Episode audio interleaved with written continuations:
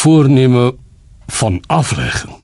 Geagte werknemer, ons moet u ongelukkig mededeel dat die posisie van vanaf 1 Maart 2013 die aflegging moet noodgedwonge plaasvind omdat u betrokke deel word van 'n kleiner nasionale meer van die huidige maatskappy. Hierdie afleggingsaksie is permanent deels voortdurende proses En die aflegging moet seker dat die beëindiging van die kontrak nie met u werk verrig nie. Ons waardeer u bydrae tot die maatskappy.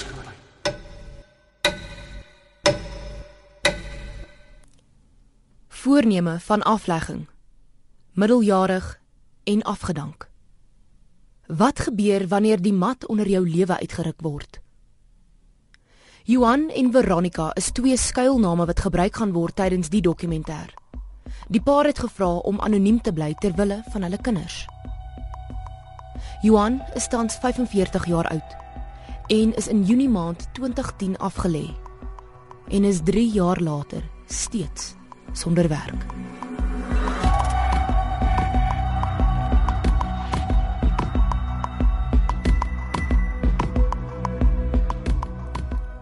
Alda Boer is die direkteur van versorging by NG Kerk Weltevreden in Johannesburg. Sy het haar meestersgraad in sosiologie en maatskaplike werk. Sy gee verduideliking van wat 'n werk vir 'n individu beteken. Ek sê altyd vir mense, die lewe bestaan vir my soos uit 'n maatjie uit en daai matte wat onder jou voete is, het dan verskillende aspekte soos nou jou geestelike, jou emosionele, jou finansiële, jou werk. En ek dink elke mens se maatjie wissel van hoe groot is daai persentasie van jou werksene is. Bestaan hy 80% of is hy 50%? En afhangende van watter groot persentasie dit is, dink ek is dit die effek wat dit op jou gaan hê waar dit jou raak. Natuurlik raak dit jou finansiëel, dit raak jou emosionele sekuriteit. Vir baie mense gee dit sin in hulle lewens. So as daai mat 80% is en daai maatjie word onder jou uitgeruk, kan jy vir jouself dink wat is die effek daarvan? Dit bepaal jou posisie in die lewe. Ons wil dit nie altyd glo nie, maar jy word in 'n groot mate geëvalueer in terme van wat doen jy? Wat se werk het jy? En ek dink op daai manier sit die samelewing baie druk op jou en dan natuurlik selfbeeld. Jou selfbeeld word in 'n groot mate geraak wanneer daar iets gebeur soos met jou werk en wat se soort werk jy doen. Johan stem saam met Alda en sê sy werk het hom heel gemaak. Christel, ek dink die belangrikste is dat dit vir jou gee dit vir jou sekuriteit jy is so gewoond om elke dag werk toe te gaan. En natuurlik boonbehalwe die finansiële aspekte, jy voel menswaardig, jy is 'n volle man in die sin van die woord. Jy kan voorsien vir jou kinders op watter gebied, maak nou nie saak of dit net finansiëel is nie. So dit maak jou ek wil amper sê dit maak jou heel as 'n persoon. Ons het deur vier prosesse gegaan van wat hulle ons diens beëindig het deur middel van om jou te retrench en aanhalingstekens en die eerste 3 het ek vrygespring. Ja, hulle het die brief vir my gegee en natuurlik gaan jy met daai brief huis toe en jy bespreek dit met eerstens met jou gade wat wat my vrou is natuurlik en uh, dan moet jy dit uh, op 'n meer subtiele, sagter manier uh, bespreek met die kinders. Die wat ouer is, uh, hopelik verstaan hulle beter want hulle is meer volwasse en die wat jonger is en dis waar ek voel dat ek as man my hande vasgebind is. Ek kan geen dinge doen om my kinders te beskerm, veral die wat nog in die huis is om daai boodskap deur te bring. Ek moes dit so maklik of so sagkens as moontlik sê, maar die werklikheid is tog nog steeds daar. Dawie Rood is die hoofekonoom van die Efficient Groep. Hulle is batebestuurders wat beleggingsadvies gee. Hy sê dat niemand in Suid-Afrika se werk vandag veilig is nie. Niemand onder hierdie son is onmisbaar nie. Dis altyd moontlik om enigiemand te vervang in 'n maatskappy. Party mense is dit moeiliker om te vervang as ander mense, maar enige persoon kan altyd vervang word. En dit is iets wat ons altyd die heeltyd in ons agterkoppe moet onthou. My werk is eintlik die hele tyd ingedrang en dit is hoe ons moet werk. Ek moet besef dat ek kan enige tyd my werk kan verloor. Daarom is dit belangrik vir my om 'n aanwins vir my maatskappy te wees. Daarom is dit belangrik vir my om 'n aanwins vir my gemeenskap te wees en daarom is dit belangrik vir my om voorsiening te maak vir die kans dat ek miskien eendag my werk gaan verloor.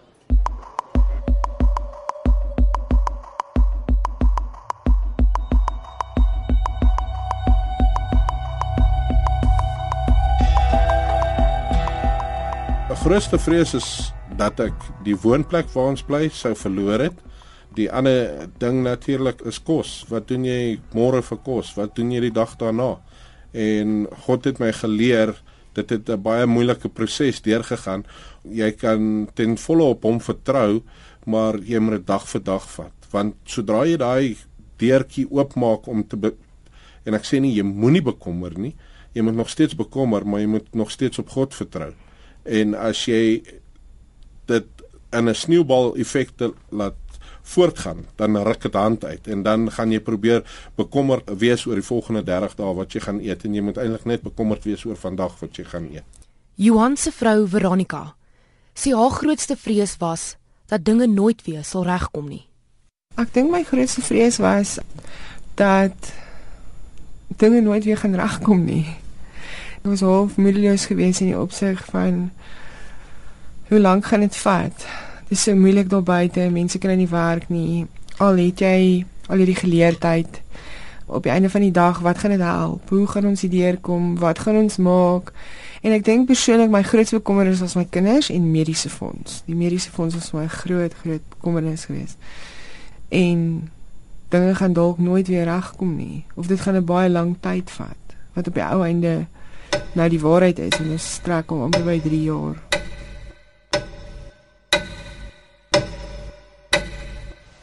Wanneer 'n persoon sy werk verloor, maak dit seer. Dit maak nie saak of dit aflegging is, personeelvermindering is, naas dood en egskeiding en ernstige siekte, is werksverlies een van die grootste redes vir spanning en wat uiteindelik tot by depressie kan lei.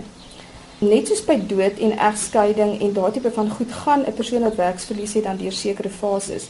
Nou hierdie fase is die eerste een is dikwels ontkenning wat 'n mens net nie kan glo dit het met jou gebeur nie. Die tweede ene wat dan 'n rol speel hierso is dan wat ons praat van kwaad of woede. Hierdie is 'n belangrike fase want ons gaan almal daardeur. En mense het mos altyd inherënt daai behoefte om iets te blameer. En daai blamering kan wees vir God, dat jy vir God kwaad is van as jy 'n Christen is is in Christelike geloof, kan jy voel hoe gebeur dit met jou? Dit kan wees dat jy verskriklike woede teenoor jouself het omdat jy weet jy het iets verkeerd gedoen en jy kon dit anders hanteer het.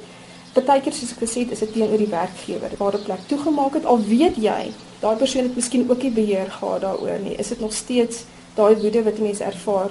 Want op daai stadium is die groot ding is jou kontrole word van jou af weggevat. Die oomblik wat jy daai brief oopmaak, dan gaan jy deur Eerstens wat ek deur gegaan het is kwade gevoelens. Kwade gevoelens ten opsigte van jou werkgewer. Jy voel hulle het nie genoeg gedoen om die proses te probeer verhoed nie, maar hulle kan ook nie die ekonomiese toestande in, in die land beheer nie. So eerstens was ek present kwaad teenoor hulle en natuurlik enige iemand wat in direkte afstand van my was, vernaam die finansiële direkteur en die besturende direkteur het ek 'n hele mond vol te sê gehad en dit ook probeer op die beskaafde beleefdste manier probeer sê maar natuurlik het jy emosies wat jy deurgaan wat jy nie geen beheer oor het nie jy moet al daai emosies moet jy onder dwang hou wanneer jy teruggaan na die ouer huis toe en dit eerstens vir jou vrou gaan sê en tweedens vir jou kinders gaan sê hmm. en ons as mens of ek as mens uh, het gevoel Hoekom hoekom moet dit my oorkom? Wat het ek in die lewe verkeerd gedoen en dan begin jy jouself te betwyfel en ook jou kristendom en jou geloof en en jou mens wees te betwyfel.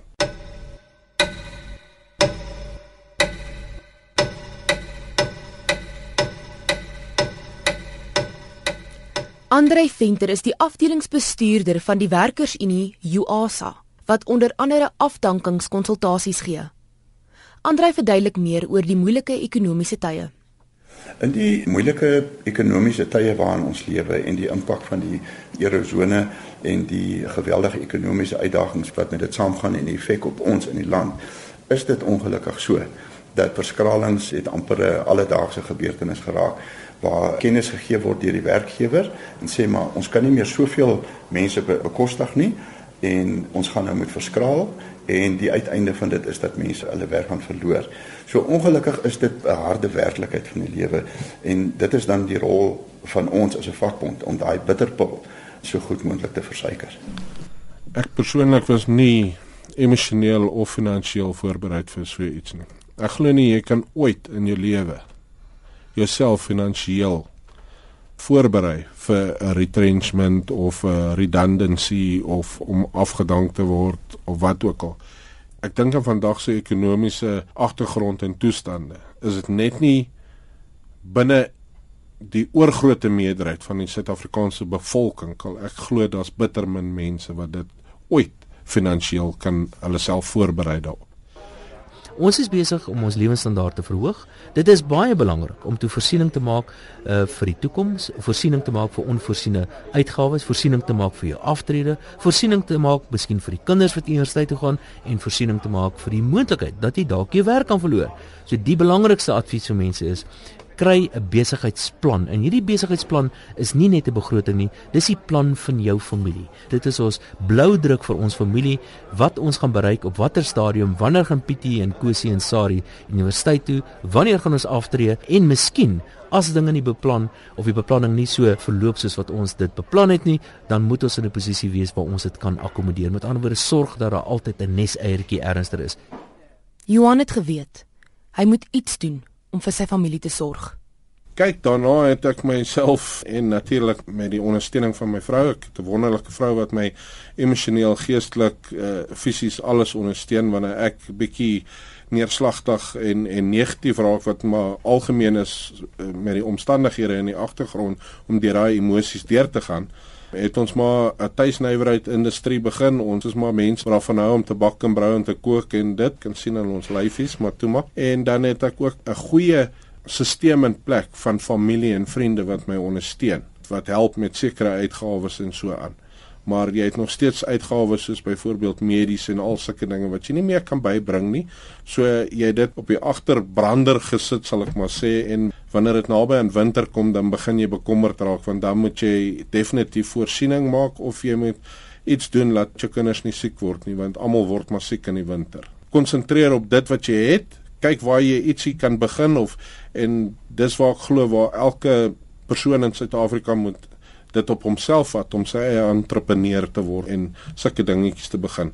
Die besigheidjie waarvan ons nou praat, is maar basies net 'n ekstra geldjie wat ons maak. Dis nie 'n besigheid as sulks nie. Ons verkoop maar allerlei lekkernye wat ons goed is om te kan bak en brou en sulke goeders aan ons familie en vriende. En dit is nie eers 10% van die inkomste wat ons gewoond was nie. Wat dit basies is is jy gee nie oor nie.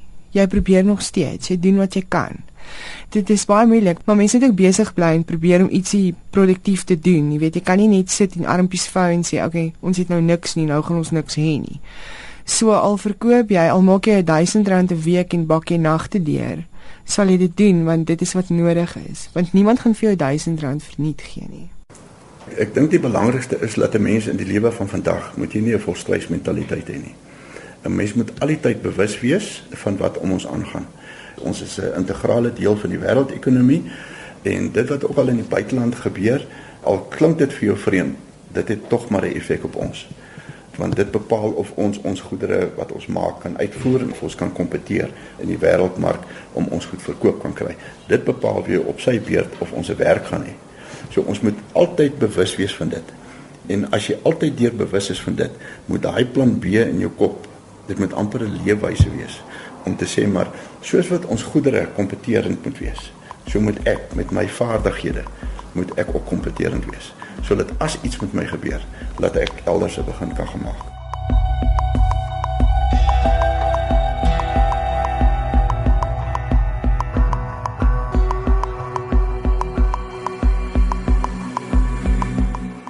En wat dan hierso gebeur is is dat mense dan instinktief en op skok reageer en net besef hulle moet onmiddellik iets doen.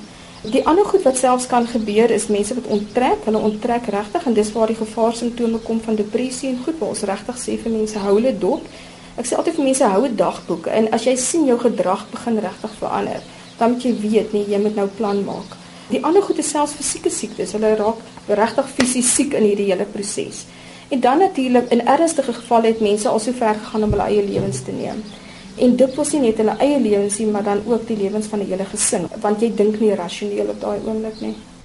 Ja, ek dink daar het baie sulke tye ingekom waar daar absolute desperaatheid wat jy enigiets sou doen ter wille en ten opsigte van die voorbou en voortbestaan van jou huisgesin want jy gaan deur al daai emosies en al daai komplikasies deur wat jy moet dinge doen wat jy nooit en buite jou karakter is Ek sal nou nie gaan moer en steel vir geld nie, maar jy doen enigiets vir geld want sonder geld kan jy tog nie bestaan nie. En dit is wat jy moet doen.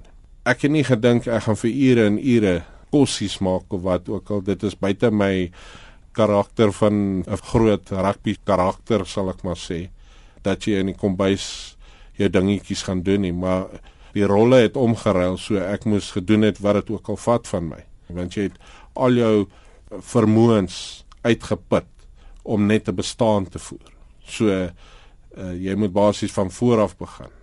Die dinge wat hy doen buite sy karakter en ek dink hy hou dit oppervlakkig, maar die dinge wat hy regtig doen buite sy karakter is dinge om soos om te vra vir hulp. Jy weet om lewenslange vriende te vra, my kinders is siek en ek kan nie nou betaal vir 'n dokter nie, kan jy miskien help? Dis moeilik. En hy doen dit want hy het nie ander keuse nie. So daai tipe goed om te vra vir hulp is baie moeilik van vriende en familie af. En dis buite sy karakter want hy was altyd die een wat ander mense gehelp het. En dan kom tye wat jy nie regtig gekeuse het nie en dit gaan oor trots ook. Hy's 'n trotse man, hy het baie groot trots.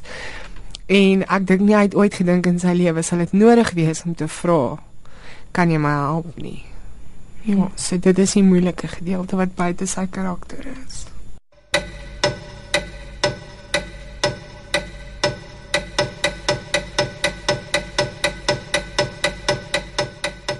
Maar wat is die kans dat 'n middeljarige persoon weer 'n werk sal kry?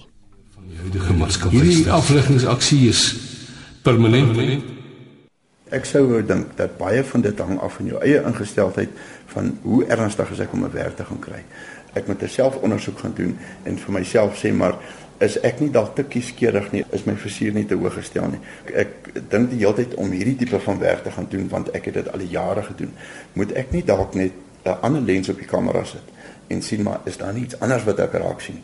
Dalk 'n ander rigting wat ek kan gemaak 'n ander tipe werk wat ek kan gaan doen en myself daarin gaan bekwam ek sou sê dat die kanse om weer 'n werk te kry om weer 'n vaste plek iewers te kry hang baie af van jouself van jou eie verwagtinge en gaan ek werk soek om nie werk te kry nie gaan ek so desperaat wees om te sê maar as ek net my voet in die deur kan kry is dit vir my belangrik want dan weet ek as ek eers daar kan kom, dan gaan ek myself toerus. Ek gaan 'n bietjie voorraad opname neem, gaan myself so toerus dat ek weer 'n nuwe begin kan maak.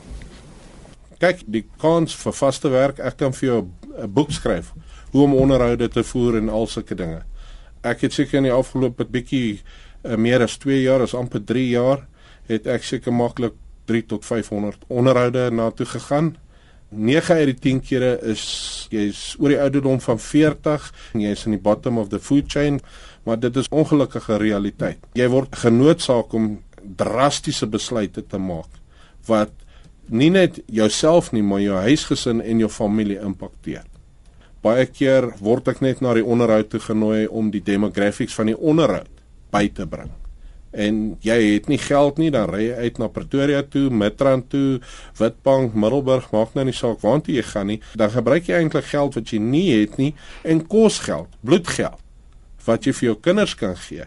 Ry jy uit aan brandstof en dan word jou tyd gemors. En dit is realiteite. Alda boer verduidelik wat se effek die op die kinders het. Dis my belangrik dat mens met kinders praat. Ek dink nie mens moet vir kinders die hele breë prentjie gee nie, want die laaste ding wat ons nou wil hê is dat kinders depressief moet gaan raak.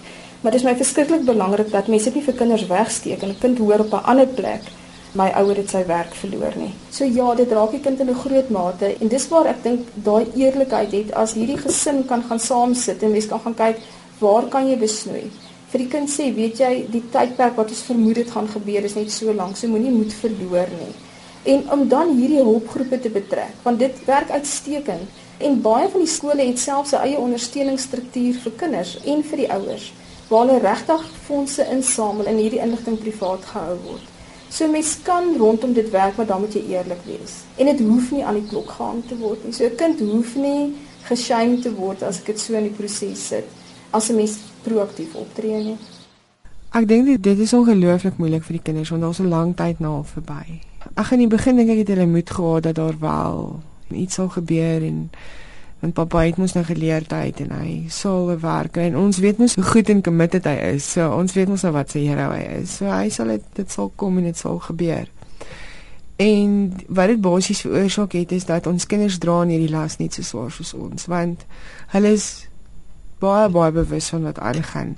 Dit is half asof hulle hulle self ook tweede sit en dat dat hulle bewus is van wat by die huis gebeur en dis 'n baie moeilike situasie want dis baie moeilik vir die kinders om met maats te deel. Ek kan nie dit doen nie want my pa het nie 'n werk nie. Hulle is gespanne want hulle kan sien ons is gespanne want jy kan dit net tot op 'n punt wegsteek. Die die moeilike ding is dat die verhouding is die kinders probeer ons die hele tyd in ag neem en dit is asof hulle rolle het wat hulle as kinders eintlik nie moet hê nie. Weet hulle is nie veronderstel om die bekommernis te hê van hierdie soort goed nie, maar hulle het tog. Johan vertel van toe hy op sy heel laagste punt was.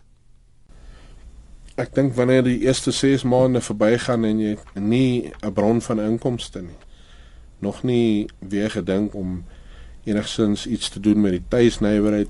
Dit was 'n idee en ons het goedjies gemaak en so aan maar as jy gewoond is om argumente onthaalwe R10 te verdien en jy het nie eens R1 nie, dan begin jy paniekbevange te word vanaand as jy die hoof van die huis is of die broodwinner van die huis was en nou het jy niks om vir jou familie te offer nie.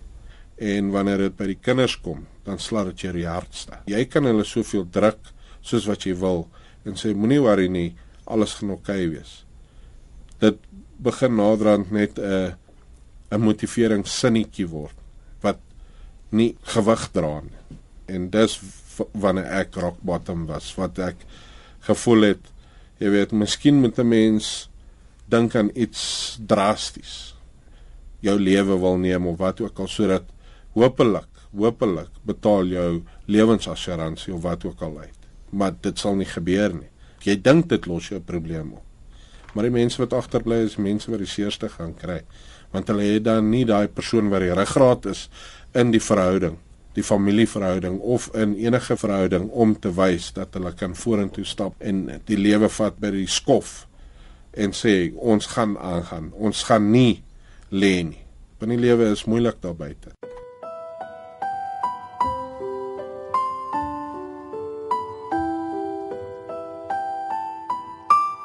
Ons dogtertjie was so 7 gewees toe hierdie ding nou gebeur het. Ons het by vriende gekuier en en sy het gesê Jy sê tannie dit gaan baie lekker wees. Ons het baie lanklaas aan mekaar vleisie geëet. So en dan sal die ouer sissies natuurlik lag, jy weet, want dit is baie snaaks, weet uh, ons huil en lag gelyk, want partykeer is die dinge so snaaks. En partykeer sal sy vir 'n vriendin van my sê, "My ma kon nie dit doen nie, want sy het net sente op hier." so dan sal ons nou baie, dit sal vir ons baie snaaks. Eintlik dis 'n half lag met 'n traan daarbey en ons het dinge gevind wat ons as 'n gesin voorheen kan ek sê for granted gevat het. Nou laat ek aan die ander kant van die draad staan. Is dit makliker vir my om dit te uiter? Geen probleem is groter as jy om net moed op te gee. Moet nooit nooit moed opgee. As jy net wys vir jou kinders en vir jou familie en jou vriende dat jy geloof het in jouself, deursettingsvermoë het in jouself en in aanhalingstekens egoïsties wees dat jy dit vir jouself en jou gesin net wil doen. Natuurlik, ek is 'n Christen, weet dat God my lewe so beplan het. Niks is 'n toeval. Die ou gesegde is waar dat maak saak hoeveel keer jy val, dit is hoeveel keer jy opstaan wat wat, wat saak maak.